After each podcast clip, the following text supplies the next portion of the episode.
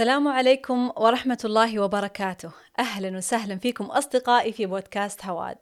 سعيدة جدا بكل مشاركة وبكل تعليق وبكل like و subscribe و share.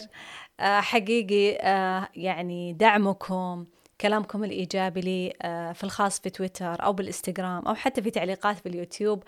ما تصورون قديش تعطيني طاقة وحماس إني أكمل. فشكرا شكرا جزيلا لكم. أصدقائي في بودكاست هواد. إحنا نقيم مساحات أسبوعية في تويتر لمناقشة آه، الموضوعات اللي تحصل لنا خلال الأيام هذه أو المناسبات العامة اللي نتشاركها وأحيانا نتناقش بعض حلقات البودكاست. فانضموا إلينا في تويتر وكل الحسابات راح نحطها لكم في الوصف. فأهلا وسهلا.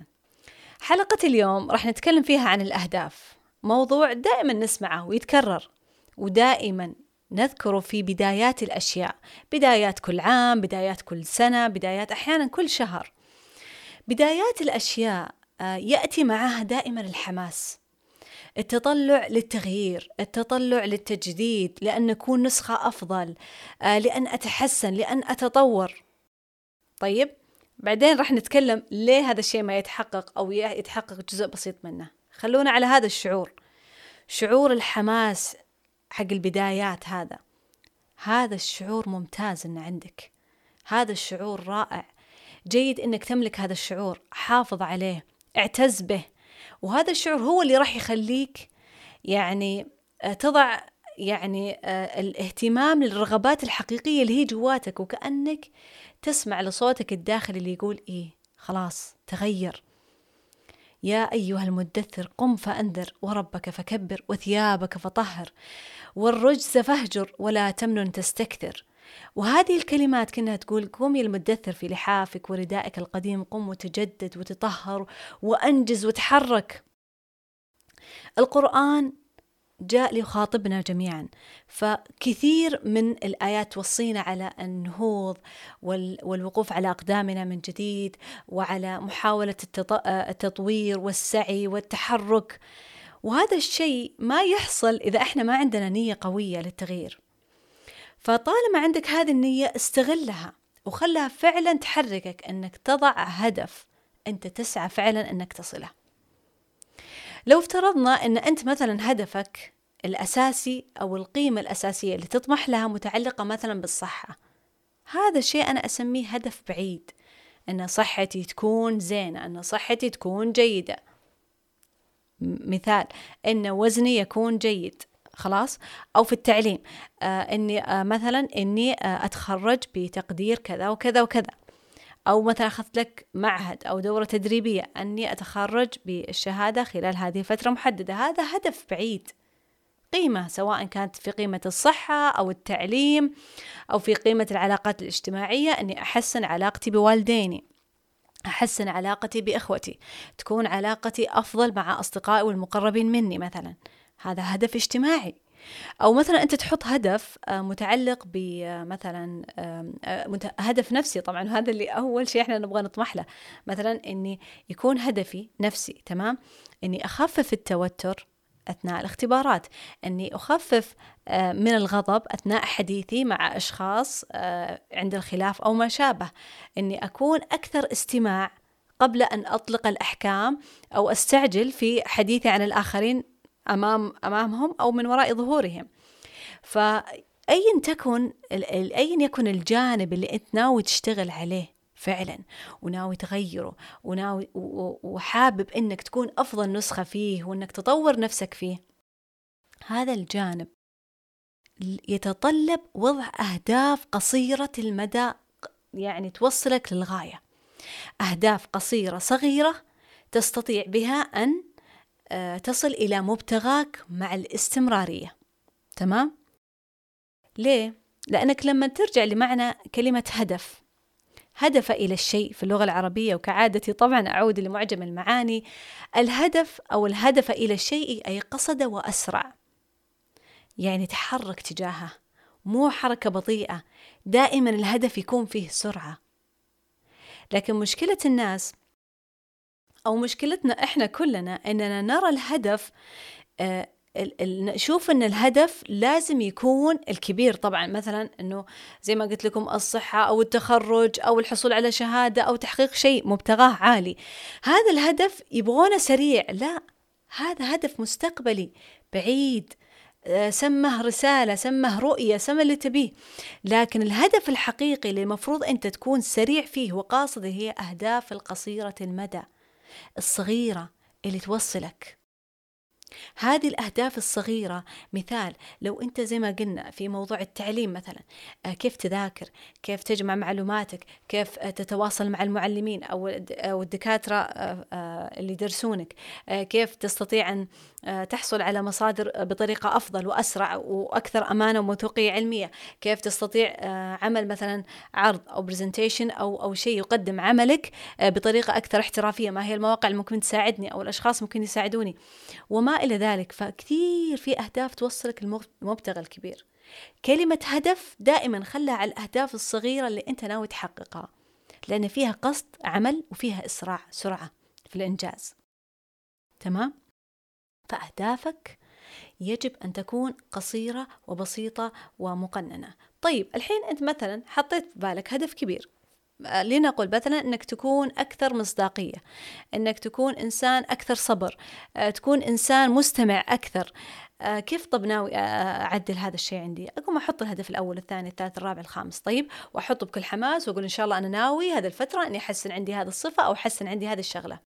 والله وبديت وأتفاجأ إني خلال أسبوع على كثر ما حطيت أهداف قصيرة ما حققت يمكن إلا واحد أو ربع واحد بعد. ليه؟ إيش اللي حصل؟ تراجع نفسك تلاقي مثلا نفسك والله هذا هذا الأسبوع أصلا أنت مضغوط. مثلا أنت فترة اختبارات. ما فيك تطالع في نفسك وتطالع في صفاتك لأنك أنت فعلا مشغول. أو يمكن صار في ظرف في بيتكم. أو يمكن مزاجك ما يسمح إنك تقوم بكل هذا هذه الأهداف اللي أنت حطيتها أو رسمتها. فاذا قول لنفسك طيب يمكن هذا الأسبوع بحقق كذا وكذا. خليك مرن. يا عالم لما تحطون أهداف مو شرط تحققونها كلها وفي فترة وجيزة ولازم تشيك ليست خلك مرن أنت قيس الوتيرة اللي تمشي عليها في أهدافك وحياتك وإنجازك. وتيرتي مختلفة عن عن أختي عن أخوي عن أصدقائي مختلفة عن عائلتي يمكن. وكذلك أنتم كل واحد فيكم متفرد مثل تفرد بصماتنا.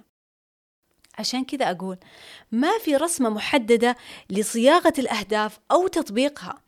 ضع الهدف الذي يجعلك أنت سعيد مستمتع مرن في أهدافك. فخلها يعني عيش مع نفسك تجربة بدون قسوة. الله يسعدكم. كونوا رؤفاء ورحماء بأنفسكم. حطوا هدف. ما ضبط عدلوه. طيب هل أنت من النوع اللي تخلص هدفين في اليوم أو ثلاث أهداف؟ لا ما ناسبني خلنا نشيل هذا أحط هذا خلكم مرنين. ليه؟ لأن ضروري في هذه الرحلة تكونوا مستمتعين. الأهداف ما ينبغي يعني أنها مثلا آه، تنقلك إلى إلى بهجة مستمرة. طبعا إحنا قاعدين نعمل ولكن على الأقل إنك تكون مستمتع سعيد بشكل عادي راضي يعني في حالة سلام مش في حالة قلق أو عجلة أو ركض. وبين هذا وهذا وبين تحقيقك لذاتك ورغبتك في إنك تصل للهدف الأعلى في أولويات لازم تتحقق. في أولويات أحيانا تقف في طريقك. ظرف طارئ آه، صحة مفاجئة لا سمح الله أزمة مالية مرض أحد الأقرباء أو أحد أفراد الأسرة. فتصير أحيانا بعض الظروف الطوارئ اللي أنت تضطر توقف أهدافك عليها أو تأجل الموضوع هذا. لا بأس. بعد إحنا بشر. ما أقدر أتحكم في كل الظروف. الآن أنت تحاول أنك تتحكم في نفسك وعاداتك اليومية وتصرفاتك ولكن ما أستطيع أتحكم في كل الظروف من حولي أو الأشياء. نحن كمسلمين لدينا هدف عام نشترك فيه جميعا بمختلف أشكالنا وألواننا وثقافاتنا. نحن نشترك في الهدف الأسمى والأعلى والذي سوف نحققه بإذن الواحد الأحد اللي هو الجنة. اللي هي الحياة اللي مستقبلية اللي يطمح لها كل إنسان مسلم. فنحن في هذه الدنيا علينا أن نقوم بالأهداف قصيرة المدى ومن ضمنها أو خلينا نقول الشكل العام لها أن تكون خليفة الله في الأرض طب أبغى أنا أكون خليفة الله في الأرض بشكل جيد أكون مصلح آه، وعابد لله بأخلاقي وبتأثيري وبصلاحي في هذه الدنيا وبأني أثمر فيها حتى أنال وأكون مستحق للحياة المستقبلية اللي هي في الجنة إن شاء الله. طيب يا ترى ما هي الأهداف القصيرة؟ أن تكون مصلح، أن تكون مؤثر، هذا هذا الشكل لأهدافك القصيرة. طب ما هي الأهداف القصيرة؟ أبسط شيء أن أحقق أسماء الله عز وجل في حياتي أن أكون عادلا أن أكون حكيما أن أكون صبورا أن أكون مطلع وأن أكون عليم فيما فيما هو بقدر يعني طاقتي كبشري أن أتعلم وأطلع وأقرأ وأفيد وأستفيد وأتحرك وأؤثر وأتأثر. فأكون ذا فاعلية في هذه الأرض. أشكر الله على جوارحي عندما أستخدمها بالطريقة الصحيحة. أشكر الله على نعمه عندما أثمر فيها وأستخدمها بطريقة صحيحة. اليوم هذه ال social media الآن إحنا في ناس قاعد تستخدمها بطريقة صح في ناس قاعد تستخدمها بطريقة سلبية. فاسأل نفسك آه، في قدراتك مهاراتك علمك حواسك آه، أعضائك جسدك كيف قاعد تستخدمه بطريقة تستثمر فيها هذه القدرات وهذه النعم بطريقة تجعلك خليفة الله في الأرض شخص صالح ومؤثر وفعلا مكانه الحقيقي المستقبلي في الجنة بإذن الله. ولهذا كان الهدف آه، شيء أنت تضعه وهناك هدف نحن جميعا نشترك فيه. آه، مثل ما ذكرت لكم الجنة والصلاح وغيرها.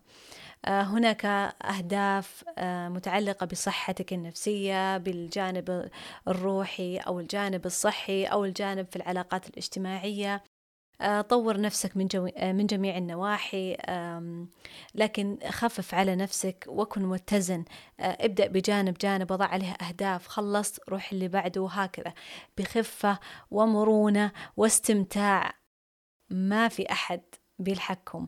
وما في أحد راح يحسب عليكم الأوقات والثواني. هذه رحلتكم الخاصة مع أنفسكم مع أهدافكم مع أحلامكم. آه، كونوا مرنين سعيدين آه، ابتهجوا عندما يحصل الفشل. فالفشل هو تجربة أصلا. آه، استمتعوا أثناء الرحلة استمتعوا استمتعوا مثل ما أنا قاعدة أستمتع. كونوا مستجيبين للطوارئ والأشياء الطارئة اللي ممكن تحصل لكم. مثل ما ذكرت آه، الأولويات هي أهم شيء أهدافكم الشخصية. تعني الكثير ولكن هناك أيضا أولويات وطوارئ وأشياء متعلقة بالأشياء اللي حولك تستوجب منك أنك توقف أحيانا أهدافك عشان تسمع لها وتشوفها. آه إن شاء الله يا رب كانت حلقتي خفيفة ولطيفة عليكم. أتمنى لي ولكم كل التوفيق والنجاح واليسر والسهولة في تحقيق أهدافكم. لا تنسوا أن تكونوا مرنين ومستمتعين خلال رحلة الأهداف وإن شاء الله نشوفكم في لقاء آخر ودمتم بود.